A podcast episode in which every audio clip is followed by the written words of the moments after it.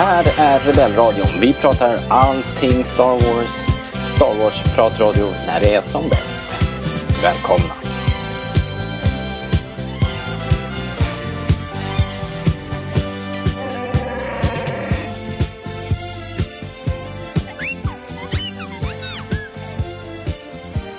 Ni lyssnar på Rebellradion.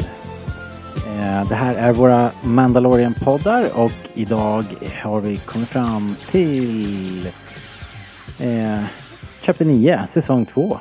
Eh, välkomna! Ingen paus för vår del här i USA och en stor del av Disney Plus har ju fått vänta upp till ett helt år väl på det här avsnittet. Så att eh, liten fördel för oss då får man väl säga. Eh, och vi som ska prata om det här avsnittet, del 9, Sheriffen, är förutom jag själv som heter Robert, eh, är Jakob. Välkommen! Hallå, hallå. Välkommen till, eh, till eh, din studio. Ah, thank you. Och sen har vi ju Star Wars.ses chef, redaktör at large, Fredrik. Hjärtligt välkommen. Ja, tack. Är det läget? Har du blåst bort? Jäklar vad det blåser. ja, eh, Full storm. man får eh, gräva ner fötterna i marken. Hålla tag i träden. Jag vet inte. Ja, det är, en, det är ett sätt att göra på. Japp. Ehm, vilket jäkla avsnitt vi fick. Eh, det var regisserat av John Favreau och vi satt och babblade precis nyss innan här att det var nog det första som han eh, regisserat. Han har ju skrivit allt och nu också regisserat det här avsnittet då. Eh, däremot har han ju lämnat över skrivandet på ett par avsnitt den här säsongen så får vi se hur det går. Men det här avsnittet har han skrivit och regisserat då. Premiären var ju då i fredags den 30 oktober och det var hela 52 minuter långt. Stod det på IMDB. Jag hade för mig att det var 51. Men det stod Nej, 52. Jag röstar för 52. Ja men då är det det. Det är ingen som vågar säga emot Fredrik. Nej, skulle det bara till såna här våga. hårda fakta. eh, Det skulle vara Linus då. Ja, men den, den där uh, motvalsen. Men visst var det ganska skönt att det var ett långt avsnitt? Eh, ja, alltså det är ju egentligen otroligt ju. Det är ju det är nästan filmlängd. Ah, inte riktigt kanske. Ja, jag vet inte. Vanliga serier brukar väl vara runt eh, antingen en halvtimme, 20 minuter eller 50 där någonstans. Jag Jo. hoppas att det skiftar lite. Ja, ja. ja Jag, tyck, de- jag tyckte att det var ganska välkommet också att de hade den där recapen för att det, det är ju många serier som inte har haft så. Ja, alltså f- som jag sa, för oss så kanske det inte behövdes. Men, men för de som har väntat ett år så är det väl nödvändigt kanske. Ja, eller jag vet inte, det är kanske bara jag som har dåligt minne, men när man tittar på så här Game of Thrones och sånt där, alltså, jag kommer inte ihåg någonting från tidigare säsongen. Just Game of Thrones är ju så himla mycket folk hålla ordning på också. Ja. Här kanske inte riktigt. Eh, men eh, ska vi köra då? Vi fortsätter väl i vanlig ordning med att eh, vi läser en, eh, apropå då sammanfattningar, en kort liten sammanfattning eh, över avsnittet och sen så kickar vi igång snacket här och så kör vi en halvtimme ungefär brukar vi försöka eh, sikta på. Det har väl gått sådär på sistone. Modigt att säga det redan nu. Ja, jag tänker att det sätter press på er. Just det. Det är vi som brukar dra ut på tiden. Det är dina, det är dina intron som brukar dra ut på tiden. Eh, ja, men inte nu längre. Det har ju Fredrik sett till. Ja, Så nu kör vi. här, eh, så här lät det i alla fall. Mandalorian har fått i uppdrag att föra barnet till sina artfränder och eh, han söker efter andra mandalorier som han, kan, eh, som han tror kan hjälpa honom att eh, hitta rätt. Eh, han hör ryktas att en mandalorier som håller till på Tatooine i staden Mos Pelgo. Eh, väl där så konfronteras han av någon som bär Boba Fetts rustning. What? Eh, men det är inte den legendariska prisjägaren utan det är sheriffen. Eh, som också har gett titel till eh, avsnittet då. Eh, en man vid namn Cobb Vant. Eh, som har den här mandaloriska rustningen. Vant förklarar att han eh, fritog staden från gruvkollektivets styre med hjälp av den här rustningen som han bytt till sig från Javas. Eh, staden attackeras då precis när de står och pratar där av en enorm Crate-drake. Och Vant säger att han går med på att lämna från sig den här mandaloriska rustningen i utbyte mot att döda Crate-draken. Mandalorian sluter ett avtal med byborna i Mos Pelgo och Sandfolket för att tillsammans döda kritdraken och sluta fred mellan grupperna. De lockar ut draken som slutligen dödas av mandalorian. Han lämnar staden med Vants rustning, uh, Boba Fetts före detta rustning då, och uh, när han åker iväg så är han iakttagen av en ärrad person som påminner väldigt mycket om en viss mytomspunnen prisjägare. Huh. Fantastiskt avsnitt kan vi avslöja på en gång. Vi kör igång.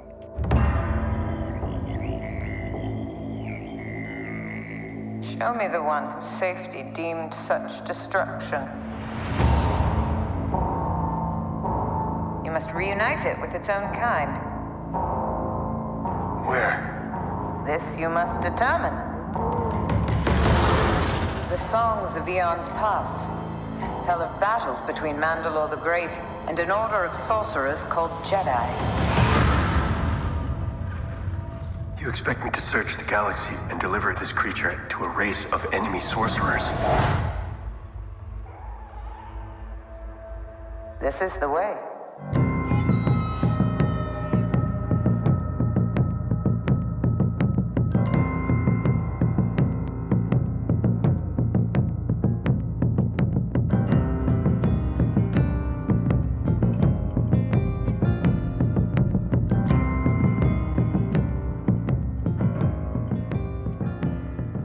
Ja, jäklar. Vi hade ju eh, så himla mycket. Det började ju kul där med eh, grejer från, som jag hade sett i trailern här med de här eh, Gamorrean Guard-fighten i den här läskiga, mörka staden som var helt nerlusad med någon sorts eh, så här dingos eller vargar eller någonting som låg och ville äta upp eh, våran lilla Baby Yoda när de kom, kom till den här stan.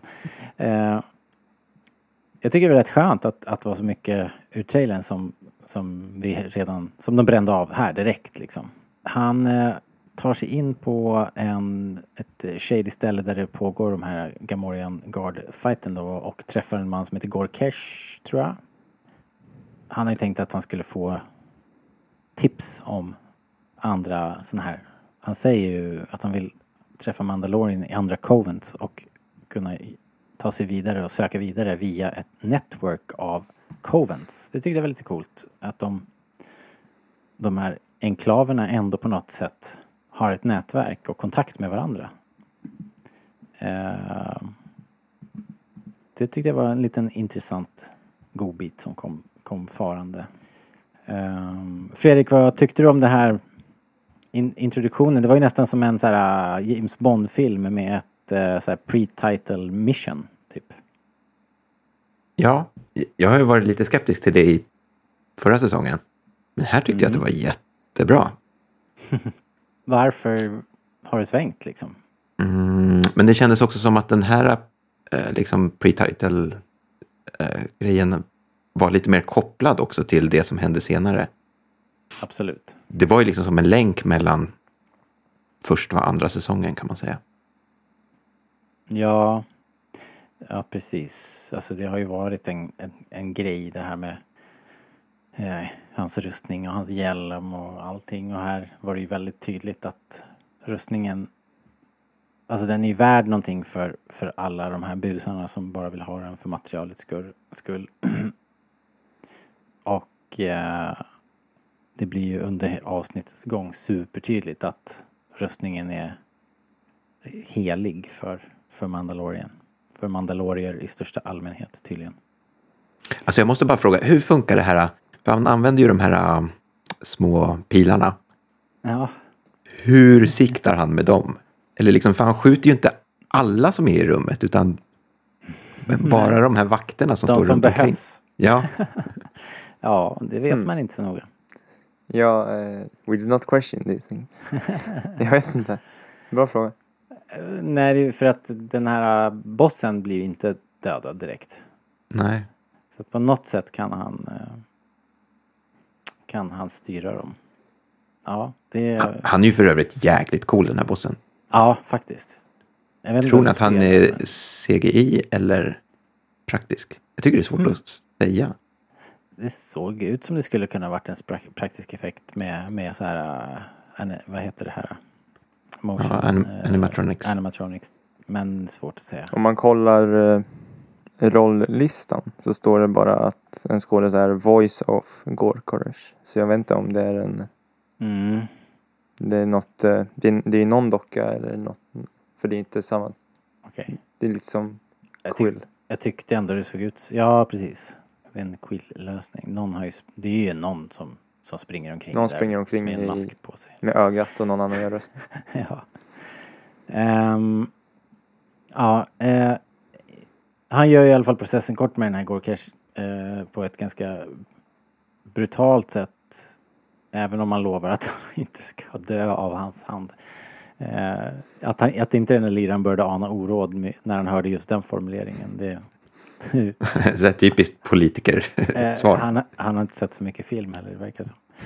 Går cash. Men han sa en grej där som, som jag var tvungen att googla faktiskt.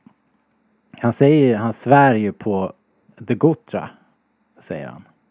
Att han talar sanning. Att det finns en Mando på, på Tatooine. För att eh, Din Djarin eh, ifrågasätter ju det liksom. Eftersom han har spenderat så mycket tid på Tatooine så tänker han att han borde, då borde han ju veta det.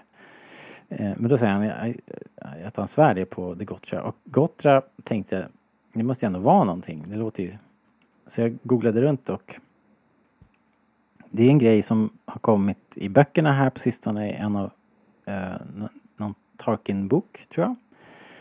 Eh, och det verkar vara ett, ett ehm, eh, någon form av droid maffia, alltså rester av droidarmén och sånt där som, som mafiosos eh, sprider ut i universum med, med dold kod och sen så tänker de eh, starta ett eh, robot uprising helt enkelt vid en välvald tidpunkt.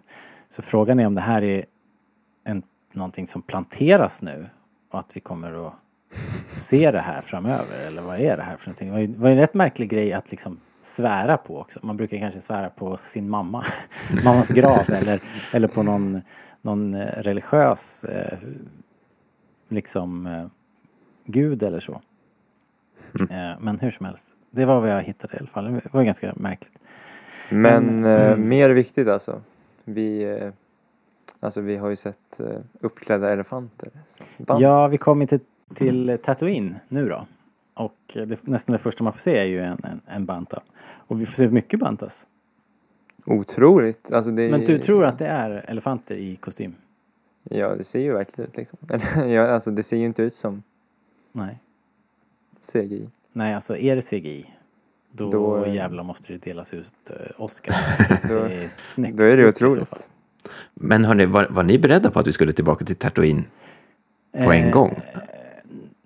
Nej, Ja, det kunde, alltså i det här ju- kunde man inte veta. Men som jag sa, det är ju rätt skönt ändå att de bränner av så mycket i trailern direkt, eller hur? Det är ju, Ja. det Ja, jag tycker det var skönt, liksom då- eh, resten av säsongen. Då känns det som att det finns mycket som vi inte har sett liksom. Mm. Ehm, För jag trodde att det var någonting de skulle vänta på ganska länge, liksom. Som, som i förra säsongen. När det Ja, blev precis. liksom femte avsnittet eller något sånt där. ja. Ehm, det är nerlusat med fanservice i det här avsnittet. Jag vet inte om det är värt att nämna allt men, men R5 gör ju en liten comeback här.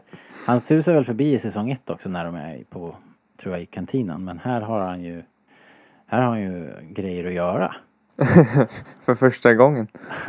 Fast han ut, blir utskälld för att han är så långsam. Men, men han, han funkar ju ändå. Ju, Han exploderar inte. nej, precis. Mot, motivaten funkade. Ehm, Men, eh, men vad tycker du Jakob om den här, den här typen av liksom Easter eggs? Det är ju nästan så tydligt så jag vet inte om man kan... Är det liksom ett Easter egg? Men det, ja, det är det väl kanske. yeah, ja, det tror jag. Ja. Men tycker du att det är kul eller är det bara så här någonting, en distraktion? Jag brukar tycka att det är ganska roligt. Mm. Jag brukar inte störa mig på sånt. Nej. Eh, vi ska väl prata om eh, slutet senare men eh, Nej men jag brukar, tycka, jag brukar tycka sånt är ganska roligt om det bara så här susar förbi som, Ja. som det där gjorde. Liksom. Ja. Och det är gjort på ett roligt sätt. Liksom. Mm. Det hade ju varit, det hade inte varit lika roligt om man hade exploderat igen. Liksom. Man ska ju vara rätt nördig om man, om man, har koll på det där förstås. Jo, men jag, hade, jag tycker det är roligare när man tar en gammal sak och sätter ett lite nytt syfte. Mm.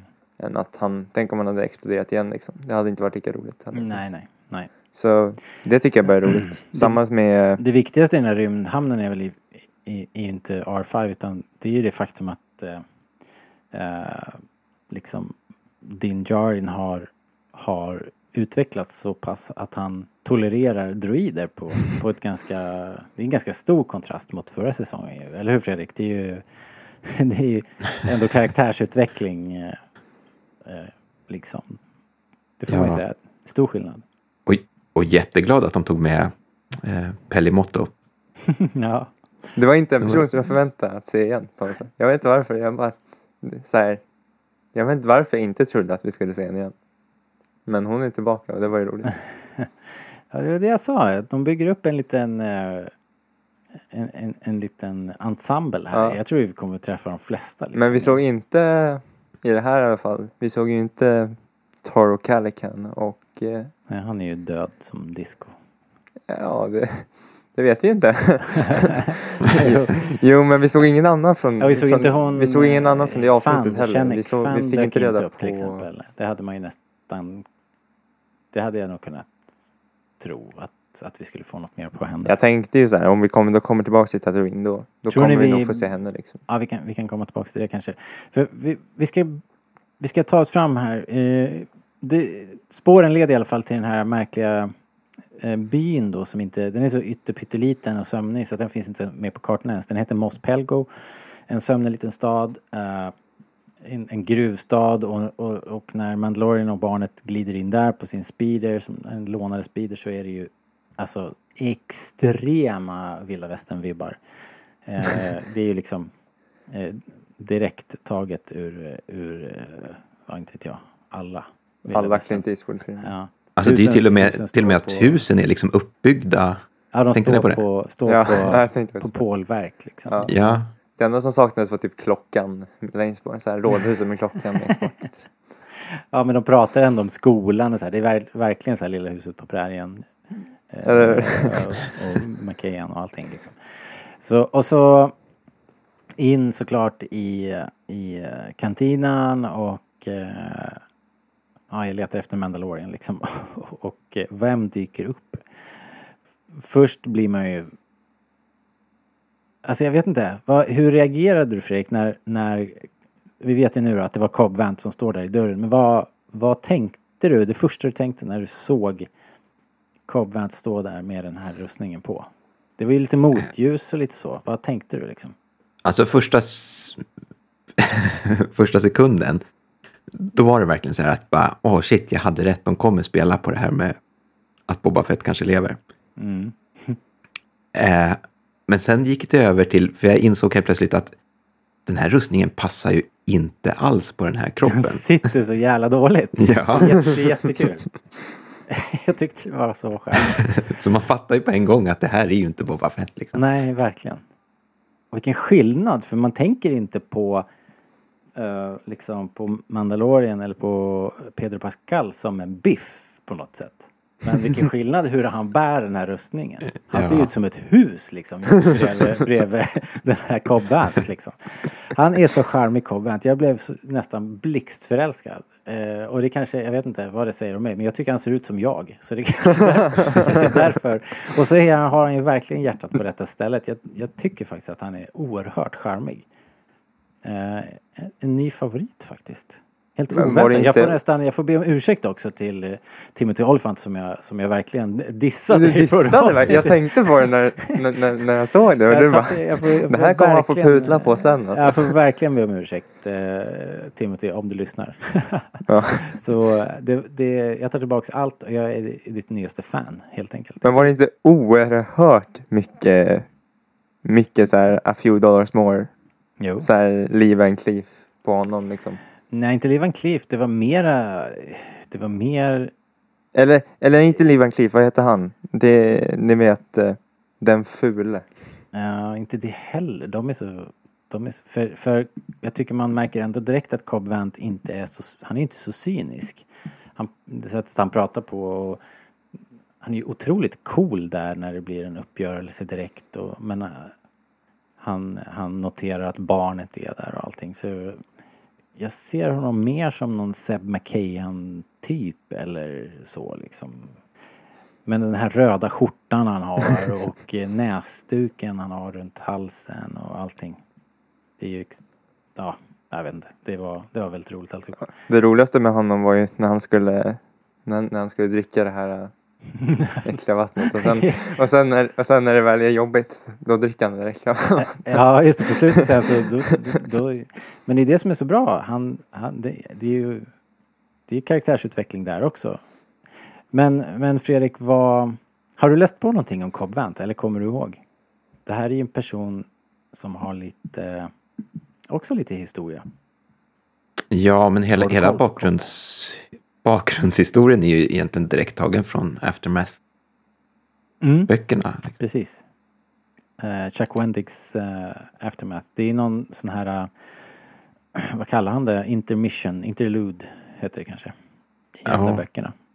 Och eh, ett par av dem handlar om eh, hur den här röstningen då som, som det sägs ju aldrig rakt ut i boken att det är Bobas röstning.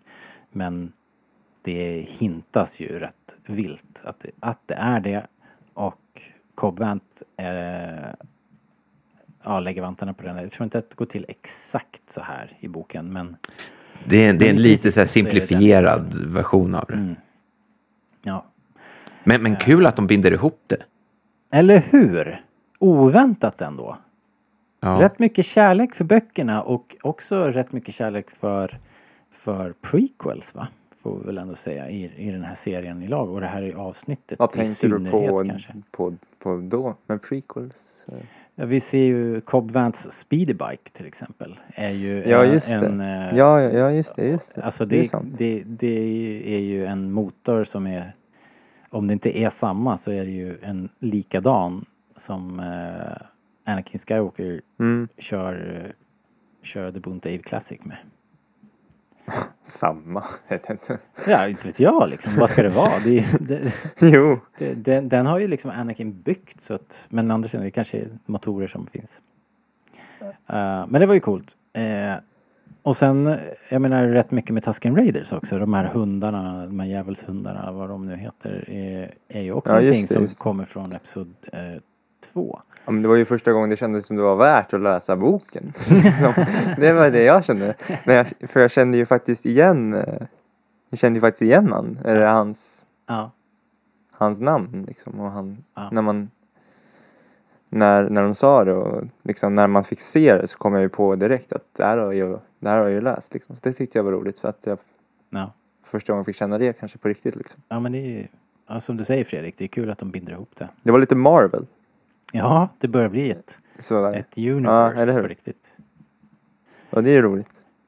Vi får se Tusken Raiders både när, när de far... eh, Ja, först får vi se det när, när Mando far upp till eh, Mos Pelgo och sen så, så, så stöter de ju såklart på det här eh, Raider-campet där, där Cobb är med också.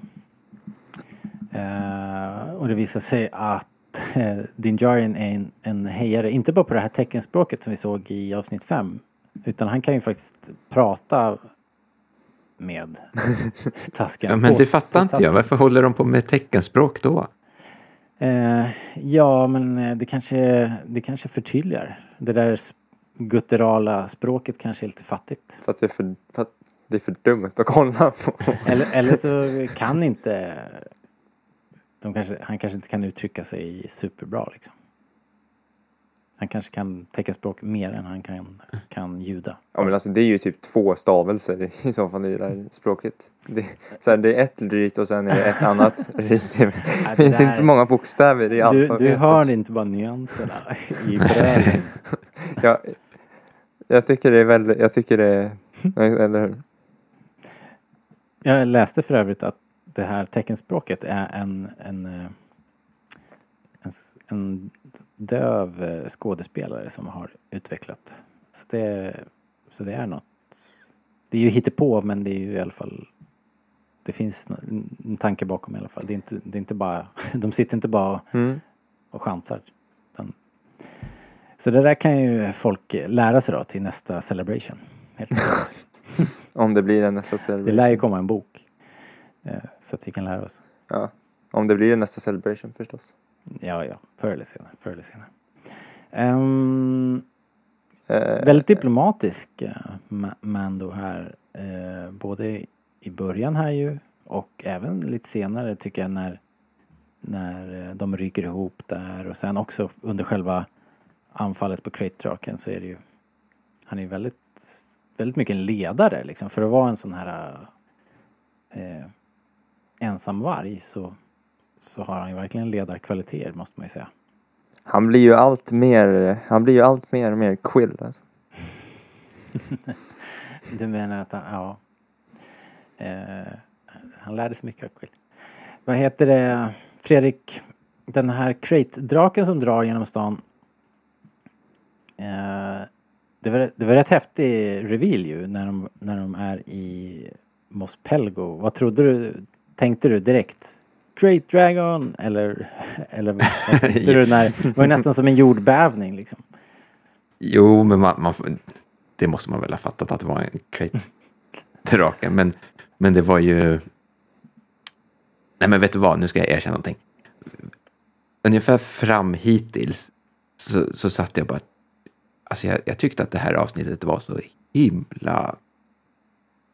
Eh, jag ska inte säga dåligt, men Det, vart är vi nu? Är, när han kommer till Mos Pelgo eller? eller nej, men längre? när den här draken far genom stan. Ja, ja, ja. Mm. För hittills hade jag bara tyckt att så här, oj, nu är det bara fanservice. Och jag bara satt så här, visa inte den här draken, visa inte draken, visa inte draken. Och så dyker den upp. Mm. Eh, och så tyckte jag att det var lite lustigt att den här draken, liksom, den är ju hur stor som helst. Varför åker den jämst med liksom, huvudgatan fram och tillbaka? Mhm. Den hade ju kunnat strykit under husen och sådär. Eh, men sen så vände det. Ja. Jag ska, jag ska inte gå händelserna i förväg, men, men efter det här. För när jag insåg liksom att den här draken skulle få en större roll, ja. förutom det här liksom bara att den käkade upp en banta, så eh, då började jag mjukna lite. Ja. ja men jag, jag, jag var nog inne på det också lite grann. Att det var, det var ju lite så här. Det var en rätt märklig scen när den körde längs, eh, längs bygatan där. Men, eh, så jag håller med dig. Men, eh, men det vart ju coolt direkt när den kom upp där och åt upp. Och så måste jag säga, det den var, det var en supercool effekt med Ja. liksom sanden som var, var som vatten nästan. Ja, alltså, jag tyckte, att, jag tyckte först när, när, när han åkte iväg på sin speeder direkt från Mos Espa och så, här, så tänkte jag bara, håller de här effekterna liksom? Är det lika bra? Är det lika bra som förra säsongen? Och sen, och sen så dyker den här Crate-draken upp och så bara, okej, det var här det var här processorkraften gick till. Ja, men det, det är helt sinnessjukt att ha en sån här effekt i en tv-serie. Ja, det är magiskt. Alltså... Eh, alltså Ga- Game of Thrones gjorde det här mot slutet eller sista halvan av, av sin serie. Här fläskar de på ganska i, det här är ju nionde avsnittet liksom. Tycker, var inte det ganska coolt? Ska vi, ska vi inte bara nämna det snabbt att de kallar det för avsnitt 9? Inte avsnitt 1, säsong 2. Jo men det var väl kul. Bara så här snabb parentes. Jag tyckte det var lite mysigt. Det var nice. Det var nice. Jaha, men nu ska vi ta oss fram till den här grottan kanske. Eh, det är ändå där det händer. Eh, vi satt och kollade hela familjen här och, och eh, Linnea eh, satt och kollade och eh, när den här eh, första Tusken Raidern och leder fram en banta där så först bara, vad ska de göra nu? och sen, vad modig han är. och det var han verkligen, för det var läskigt ju. Eh, man, det var, man satt lite så här Alltså, på, det på kanten av soffan liksom. Real balls på den här ligan som kom fram själv alltså. Och också de där tre som gick fram efter att det där första Ja. misslyckas. Och jävlar vad de springer sen. Ja, jag älskar den scenen för att man ser ju verkligen hur de springer i panik. De springer för livet Det på var, riktigt. det var, Tom, det var Tom Cruise-löpning. Ja, typ alltså. Jag tycker det var fantastiskt. Särskilt med den första killen. Det tyckte jag bara var, alltså det var, det var magiskt. Det var så kul också. En Alexander-glosa. Det, alltså det var fantastiskt. Det var ju som typiskt att han strök med och den där bantan bara, den bara flyttar sig lite åt sidan så här. Sen så står den bara där. Och de är verkligen dumma som, som eh, stolpar, bantas liksom. Eh, vad heter det? Den här planen då i alla fall, de ska ju döda den här eh, Crate-draken. Eh, ja, en annan grej, vet du vad jag tänkte när vi såg fram de håller ju på att göra en ny Dune som ska komma nästa år om den inte blir försenad. Jag tänkte att Dennis Villeneuve sitter och kollar på Mandalorian så här, slappnar av hemma efter en lång vecka med så här pre-production hell på Dune. Och sen så får han se det här bara. Jävla skit! Så här, hela filmen är körd. Star Wars hann före. Eh, ja, ja. Ett, ett sidospår. De, de spränger ju skiten ur den här äh, Crate-draken på slutet. Eh, Alltså i början fattade jag verkligen inte hur de skulle eh, vinna. Liksom. nej, Jag trodde faktiskt ett tag att de bara skulle, skulle dra. Liksom. att de skulle ge upp. Nej, det skulle de ju aldrig göra. Jag, jag tycker det är så kul i men jag- början när den kommer ut första gången. Och så Ja. skjuter de de här äh, pilarna. Ja, Och så är det liksom tre tasken som liksom försöker hålla emot. liksom inte fäst. Jag undrar också vad, vad är planen där? De har inte fäst fast dem i en sten eller någonting. Eller i ett berg. Liksom. Hur ska ni kunna hålla emot den här, den här draken? Hur tänkte ni nu? Eh, Men det är kul att de flyger iväg liksom. Det är väldigt eh, klassiskt drak, eh, riddaren och draken eh, eh, upplägg. Eh, en annan grej här som gjorde att jag älskade Cobvent ännu mer var ju när de står där och draken kommer ut. Eh, då, då får vi ett sånt här eh, eh, eh hajen ögonblick. Eh, ett Chief Bro, en Chief Brody zoom där de eh, det, det, det är väl att de zoomar in på Cobb Vant samtidigt som kam, kameran sitter på en dolly och flyttas bakåt vilket gör att liksom bakgrunden krymper på något sätt. Det blir en väldigt häftig effekt. De uppfann det. Första gången de gjorde det var i Hajen.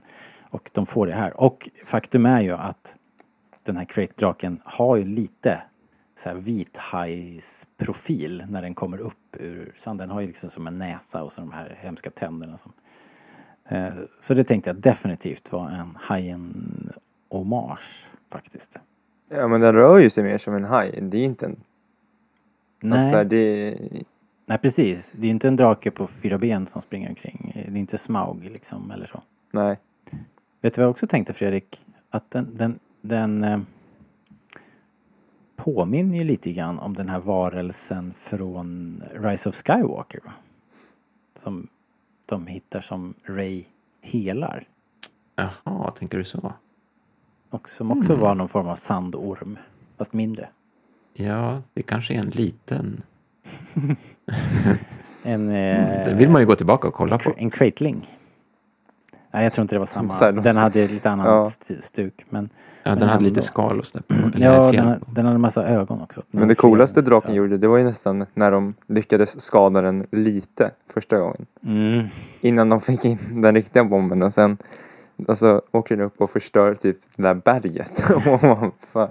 Och otippat att den sprutar ut massa så här magsyra typ. ja det var, det var, det var lite äckligt. Du fick en väldigt äckelreaktion här hemma i tv-soffan. Ja, Men det var ju en rätt kul variant på, på drakeld ändå. Liksom. ja eller hur? Ehm, ja, nej, men det är jäkligt häftigt. Och sen den här faktumet att, att våran Mandalorian då faktiskt offrar allt på ett kort och låter sig bli uppäten tillsammans med den här äh, stackars bantan som har resten av sprängmedlen. eh, så pass att han säger till Cobb Vance, eh, Vant att, att ta hand om barnet. Var inte det lite märkligt? Nej men i det läget så han måste ju se till att, att, att barnet ändå är, är säkert liksom. Tänk om Mando hade dött där och så hade Cobb Vanth blivit den nya The Mandalorian. Ja, serien hade fått döp, döpas om till eh, The Cobb. Eh, Det kom.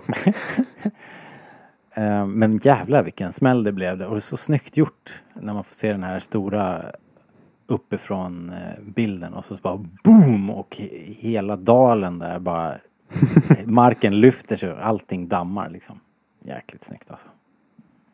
Jag tyckte det var en kul detalj precis innan det där hände, när eh, Cobb Vanth, när de står och pratar med varandra och så eh, eh, våran Mandalorian ber ju bara honom att sticka därifrån och så smäller han till honom på jetpacken. Just det. Och sen säger han ju på slutet där, du, eh, det var inte jag som hade sönder den där, va? den var redan trasig innan. Det är någonting med den där jetpacken. Alltså. Ja, Fuskbyggt. ja Hans Solo sna- sabbar den. Ehm, ja, men jäkla vilket avsnitt.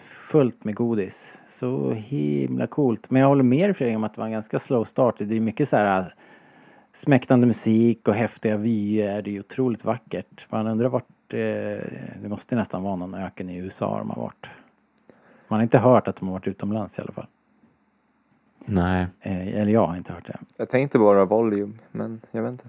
Nej men jag tror det, var- The Volume är ju inte för, för den där typen av flyg över, alltså den där typen av panoraman. Som när Banta-tåget går längs, Mm, längs ryggen där. Att Ja, de men hur snyggt var inte det? det, Ja, det var måste jag säga. Det är nästan den coolaste scenen jag någonsin har sett i Star Wars. Ja, om man, om man blir så himla förtjust i Tusken Raiders. Det här är ju verkligen så här uh, Tusken Raiders colon the redemption liksom. ja, de har aldrig fått så här mycket screentime. Alltså Nej. någonsin. Jag tror de fick mer screentime i avsnittet än vad de haft i hela Star Wars sammanlagt. liksom. Ja, ja absolut. Och, så, och nu sympatiserar man ju med dem. De förut har de ju varit mera monster. Man har ju sett på dem som, som eh, Klieg Lars beskriver dem ungefär liksom. Att, eh, Jag, jag är inte jätteförtjust i det. Du, vill, Men- du vill att de ska vara själlösa monster. Ja, jag tycker att det är lite... eh, Alltså jag har ju växt upp med att man ska vara skiträdd för de här varelserna. Mm. Nu, nu blir det lite mer så här, okej, Mhm. de är människor de också. Ja. Men Can det- I get you anything? Equal right. ja. Eh, Nej, men jag kan alltså, faktiskt se en tjusning i att, att det är lite, mm, vad ska man säga, svart och vitt generaliserat. jo, eh, på sätt och vis. Jag håller med. Men jag tyckte ändå att det här var så... Så det, det gör ju Anakin Skywalkers liksom illdåd ännu värre på något sätt. Eh, samtidigt som det gör Padme Amidalas reaktion på Anakins uh, illdåd ännu märkligare. Ja, men det, har, ju- det har ju alltid varit märkligt. Ja. Så det behöver vi. Eh, men alltså, nej men det var, det var jävligt coolt i alla fall. Jag men trodde Cobb, nästan att Cobb man Vanth, skulle... som sagt, han tar ju ändå priset. Det är min absoluta favorit. Han måste ju komma tillbaks. Ja. Han skulle ju kunna vara en eh, liksom, återkommande, alltså varje avsnitt Eller för hur? min del. Genom en egen tv-serie. Skit i Cara Dune. Shit. Nu ja. Eh, ska vi ta det här sista, sista också då? Eh, det sista vi får se är ju barnet och Mando packa på sig en, en rejäl jävla dino-steak och... Eh, och Kan vi inte bara prata lite om Baby Yoda? När han, eh, sit, när han sätter sig i den här... äh, den här hinken. När, Den korgen där eller? ja, när, Han gömmer sig. Ja, Ja. bara ögonen. Det kommer. Jag vet inte. Det var ju väldigt många sådana små, små scener i det här avsnittet. Han gömmer sig mycket och han, han, han kurrar och, och koar liksom som en, som en liten bebis på ett väldigt mysigt sätt. Men annars gör han inte så mycket annat än att fladdrar med öronen i vinden i just det här avsnittet. Nej, men det var så härligt eh, avsnitt och det var lite, det jag kände att det här var verkligen en, den tillbakagång jag behövde. För jag känner att eh, nu när vi sätter på rak liksom, Mm. Att eh, jag tycker att hela första säsongen är bra. Mm. Men jag känner personligen, jag tycker de tre sista avsnitten i säsong ett tycker jag är bland de, tycker jag tyvärr är de tre sämsta avsnitten i Okej, serien. ja. Det var inte din... Så då, det gick ner lite där. Tycker inte de är dåliga liksom, men alltså det inte lika bra bara. Du gillar den här typen av äventyr Så jag gillar mer. det här mycket, Ja. mycket mer. Ja. Och jag är glad att, eh, alltså jag, för vi pratade lite om att det kanske skulle bli mer vanlig tv-serie, att det håller ihop Mm. mer och samma karaktärer som återkommer och utvecklas på Mm. det där vanliga sättet. Men det här fick mig att komma tillbaka. Ja, vi får hoppas att det finns plats eh, för det här också, helt enkelt. Ja men det var, det var uppfriskande. Mm, jävligt coolt. Ja, Fredrik. Eh, vi hade ju fått se allt vi behövde med, med rustningen och Boba Fett lore och, och allting. Man var så himla nöjd. Eller man, hur? behövde, man behövde inget mer. Nej. Och vad händer då? Vi får se dubbla solnedgångar på Tatooine och eh, så står det någon mystisk svartklädd figur där med en gaffelstick och sån där, eh, vad de nu heter, de där gevären. Typ Tusk, Tusken Raider-vapen. Och så vänder han sig om och så är det Temero Morrison. Eh, då flög ju topplocket liksom. Jävligt coolt. Ja, det, det, men så här, så här, nu ska vi ta det från så här. Det var coolt i stunden. Ja. Men så, här, så fort efter vi hade sett det så blev jag lite, lite så här. Ah, wow. Du, var, för du vill inte att de ska röra jag, vill inte att det ska, jag vill inte att det ska hända liksom. Nej. Eller så här, jag, jag var helt nöjd med Cobb grejen liksom. Ja. Det hade räckt att man hade haft rustningen. Nu Liksom, vet igen. vi ju inte hundra hundra att det här är Boba Fett i och för sig. Men, Nej, men... eh, Det skulle ju vara en konstig slump Bob- om det inte är det. det är Verkligen. Bobas tvillingbrorsa. ja. Nej, men, men eller så här, det- det är inte självklart såklart. Men alltså så här, det, det är ju Men som vi var inne på förut. hög sannolikhet. Ja, för att vi, vi höll ju på att räkna på det där sist va. Att de, de allra flesta klonerna eh, måste vara för gamla. Ja. Så att det bör vara. Och han ser ju lite sönderfött ut också. I Ja. facet. Ja, Liksom. och röstningen var också väldigt sönderfrätt. Så Väldigt coolt. Men Fredrik, vad, vad jag sa ju eh, i våra predictions att jag varken trodde eller ville att de skulle röra Boba Fett för att jag tror inte att de kan de, jag tror inte att det går att göra utan att alla blir missnöjda liksom. För att oavsett hur de gör så, så kommer ju halva Star Wars fanbasen att slå bakut. Så jag trodde Ja. inte att på det här men nu ser det ändå ut som att de tänker, tänker göra det. Vad, vad tänkte du och eh, vad tror du kommer att hända här nu? Eh, ja, alltså min förutsägelse var ju att de skulle leka på det här med Boba Fett. Men jag var ju inte beredd på att de skulle visa påtagligt. honom. Nej. Nej. Eh, det chockar mig ganska djupt. Eh, jag, jag, vet, jag vet faktiskt inte vad de... Eh, jag skulle faktiskt kunna leva med att det här är det vi får se. Det är omöjligt ju. Ja, det känns omöjligt, men, men alltså, det känns ju som att om, om man börjar gräva sig djupare i och visa Boba Fett så, så hamnar man i det här som du pratar om. Eller hur? Ja. Om man inte... Ja. Ja, jag Nej, vet. men mitt problem det, är- det är väldigt, väldigt svårt blir det i alla fall. För att antingen så är han ju fortfarande en någon sorts så här, Bounty Hunter badass som har connections med, med imperiet. Eller så har, de- gör de en Luke Skywalker att de liksom att han har helt bytt fot och eh, blivit en annan person och gått i kloster liksom. Och blivit så här ökenmunk. Eller någonting. Ja, frågan är ju så här, varför har han inte tagit tillbaka sin rustning? Mm. Precis. Why? Så att någon, någonting måste ju... Han kan, han kan ju förstås vara så att han inte vet att den att den finns. Men, galaxens bästa prisjägare så vet han inte var han har lagt kläderna. Nej, det är, när du säger det så låter det helt Men så här, men så här, men så här om, om, vi, om vi ska ändå gå in på det, på det här spåret så här, varför stod han där till att börja med liksom? Han bara gick på sin kvällspromenad och så. Han hörde smällen, smällarna.